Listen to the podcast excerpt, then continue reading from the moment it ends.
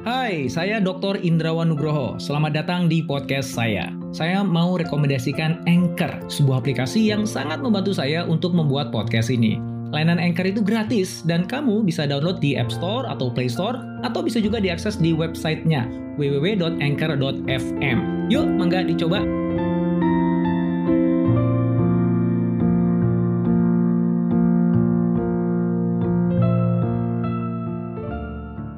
Ini adalah salah satu cerita corporate rebound yang paling dramatik di dekade ini. Perusahaannya adalah Airbnb, sebuah online marketplace yang menghubungkan orang-orang yang memiliki rumah untuk disewakan dengan orang-orang yang lagi cari akomodasi di lokasi tersebut. Airbnb kehilangan 1 miliar US dollar karena pukulan pandemi. Namun hanya dalam hitungan bulan, keuangan Airbnb kembali positif bahkan untung. Dan yang lebih hebat lagi, berhasil melakukan IPO yang memberikan Airbnb nilai valuasi pasar sebesar 100 miliar US dollar. Wow. Apa sih yang terjadi dan apa yang bisa kita pelajari dari kisah rebound yang fenomenal ini?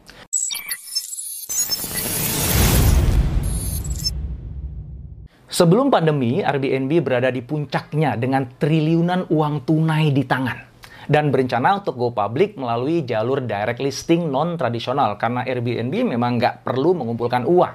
Mereka hanya ingin memberikan kesempatan pada karyawan dan investor untuk bisa cash out. Namun kemudian pada pertengahan Maret 2020, di awal pandemi, bookingan Airbnb seketika menghilang. Pada bulan pertama pandemi, Airbnb mengalami kerugian 1 miliar US dollar karena bookingan yang dibatalkan. Arus kas perusahaan berubah jadi negatif dalam periode tersebut menjadi minus 520 juta US dollar dari yang sebelumnya positif 319,8 juta US dollar. Airbnb melaporkan kerugian 400 juta dolar pada kuartal kedua tahun 2020. Airbnb pun terpaksa memangkas biaya mem-PHK hampir 2.000 karyawannya yang merupakan 25% dari total jumlah tenaga kerja yang ada, mengurangi biaya pemasaran, motong bonus tahunan, dan mengurangi gaji eksekutif selama 6 bulan. CEO dan co-founder Airbnb Brian Chesky mengatakan, saya dan mitra butuh waktu 12 tahun untuk membangun bisnis ini. Dan kami kehilangan sebagian besarnya hanya dalam 4 atau 5 minggu saja. Namun, kemudian sesuatu terjadi di kuartal ketiga tahun yang sama. Airbnb berhasil melakukan rebound berbentuk U yang sangat mengesankan. Bloomberg melaporkan, pada 8 Juli 2020, Airbnb menerima lebih dari 1 juta bookingan. Jumlah tersebut sama dengan rata-rata penjualan harian dalam 90 hari pertama tahun 2019.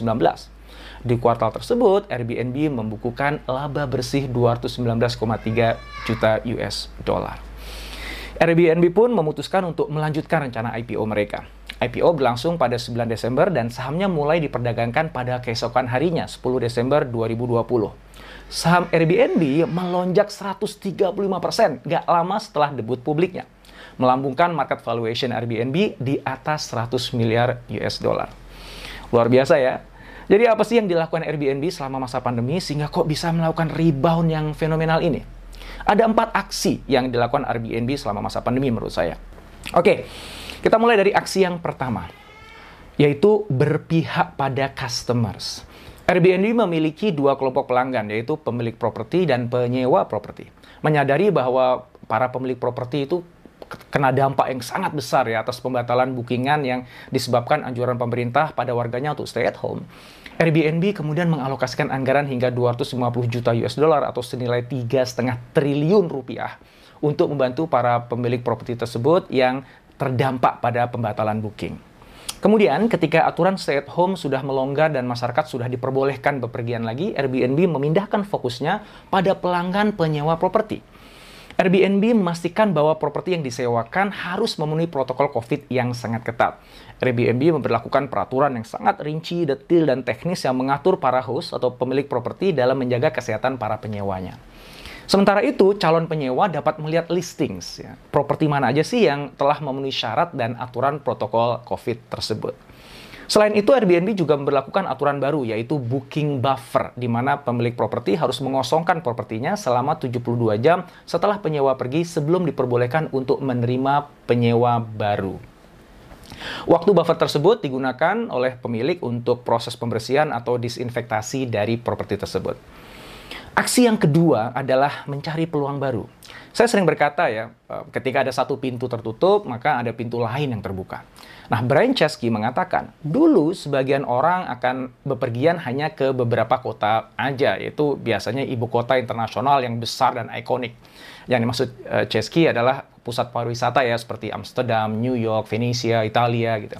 Namun kini, menurut dia, 20 kota yang sebelumnya menjadi mayoritas bisnis Airbnb, kini tidak ada satupun yang memperoleh lebih dari 2% dari total booking. Menariknya, data yang dimiliki Airbnb menunjukkan bahwa meskipun persewaan rumah di perkotaan masih bermasalah, wisatawan yang memesan penginapan yang lokasinya justru jauh dari perkotaan meningkat hampir dua kali lipat dibanding tahun sebelumnya.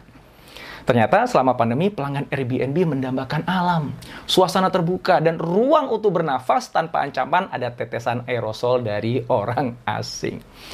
Dalam dokumen IPO yang resmi dikeluarkan oleh Airbnb, disebutkan bahwa mayoritas bisnis Airbnb datang dari perjalanan domestik pada saat ini. Dan juga ada perjalanan jangka pendek, perjalanan di luar 20 kota yang teratas tadi, dan masa tinggal yang berjangka panjang. Hal itu memberi peluang bagi Airbnb yang memiliki banyak persewaan rumah di pedesaan yang unik di dalam platformnya. Chesky berkata, Ketika krisis melanda dan kami kehilangan 80% bisnis kami dalam 8 minggu, sangat penting bagi kami untuk memiliki kejelasan tentang ke mana kami perlu fokuskan energi kami. Dan kami memutuskan untuk kembali ke akar kami, ke dasar, kembali ke hubungan manusia. Airbnb pun membuat beragam paket seperti staycation, yaitu liburan jangka panjang bersama keluarga. Ada working from any home, karena orang mulai jenuh ya kerja di rumah yang sama aja gitu. Atau learn from any home, karena orang ya mulai jenuh juga ya belajar dari tempat yang sama aja gitu. Dan juga uh, ada upaya untuk mempromosikan remote cabin, yaitu sebuah villa kecil di pelosok yang jauh dari keramaian. Aksi yang ketiga adalah fokus pada bisnis utama. Pertumbuhan Airbnb yang fantastis dalam 10 tahun terakhir mendorong Airbnb untuk melakukan diversifikasi pada bisnisnya. Namun pandemi memberikannya kesadaran bahwa hal itu membuatnya kehilangan fokus. Dalam situasi pandemi yang serba terbatas, Airbnb tidak punya pilihan untuk kembali pada dan memperkuat bisnis utamanya, yaitu rental properti. Hai, sebelum kita lanjut podcastnya, kamu sudah pernah dengar Anchor kan? Anchor adalah all-in-one podcast editing platform yang saya gunakan untuk rekaman, edit suara, tambah lagu, dan semua hal dalam pembuatan podcast yang sedang kamu dengerin ini. Anchor bisa membantu kamu bikin podcast kamu sendiri loh. Caranya gampang, tinggal download dari App Store atau Play Store, atau bisa juga diakses di www.anchor.fm. Download Anchor sekarang ya, Airbnb pun menghentikan investasi yang tidak mendukung bisnis utama tersebut, termasuk bisnis transportasi, bisnis studio yang eh, tujuannya tadinya untuk menghasilkan original entertainment terkait dengan traveling dan mengurangi funding untuk layanan real estate kelas atas, uh, lux namanya ya. Funding tambahan senilai 2 miliar US dollar yang Airbnb dapatkan saat pandemi digunakan sepenuhnya untuk memperkuat fundamental dari bisnis utama Airbnb. Aksi yang keempat adalah tunggangi tren. Oke, okay, yang satu ini sebenarnya bukan alasan kenapa Airbnb bisa rebound dengan cepat di masa pandemi ya, melainkan strategi Airbnb untuk bisa menang di dunia pasca pandemi malah justru. Ini pula yang menurut saya membuat para investor percaya pada masa depan Airbnb sehingga mendorong harga sahamnya jadi terus bergerak naik. Brian Chesky mengatakan, travel as we knew it is over. Travel yang kita ketahui saat ini sudah berakhir. Orang-orang sekarang menemukan kota-kota kecil, komunitas kecil, mereka menemukan taman nasional dan jatuh cinta pada alam terbuka dan menyadari bahwa mereka bisa pergi ke berbagai tempat lain yang sebelumnya mereka nggak pernah pergi. Ini adalah tren yang tidak bisa diubah, kata Chesky. Dia melanjutkan, orang tidak ingin naik pesawat lagi, tidak ingin melintasi perbatasan, tidak ingin bepergian untuk urusan bisnis, tidak benar-benar ingin pergi ke kota bahkan. Yang ingin mereka lakukan adalah masuk ke dalam mobil mereka dan melakukan perjalanan sejauh 300 mil. Orang-orang ingin keluar dari rumah, mereka ingin bepergian. Itulah tujuan kami memulai Airbnb katanya. Dan menurut saya itu pula yang membuat Airbnb hebat. Kehebatannya justru ada di situ. Jadi apa lessons learned dari kisah rebound Airbnb ini? Menurut saya setidaknya ada tiga. Yang pertama, always put customers first, apalagi di saat sulit. Riset dari McKinsey menunjukkan bahwa pelanggan yang merasa diperhatikan oleh perusahaan yang menjual produk atau layanan pada mereka di saat sulit bukan hanya akan menuai loyalitas, namun juga pelanggan itu akan membawa lebih banyak pelanggan baru untuk perusahaan tersebut. Airbnb menunjukkan itu untuk kedua kelompok pelanggannya pemilik properti, dan juga penyewa properti. Namun Airbnb juga menunjukkan kepedulian itu pada karyawannya loh. Bahkan pada mereka yang terpaksa terkena PHK. Airbnb bukan hanya memberikan pesangon dan tetap memberikan asuransi kesehatan selama satu tahun.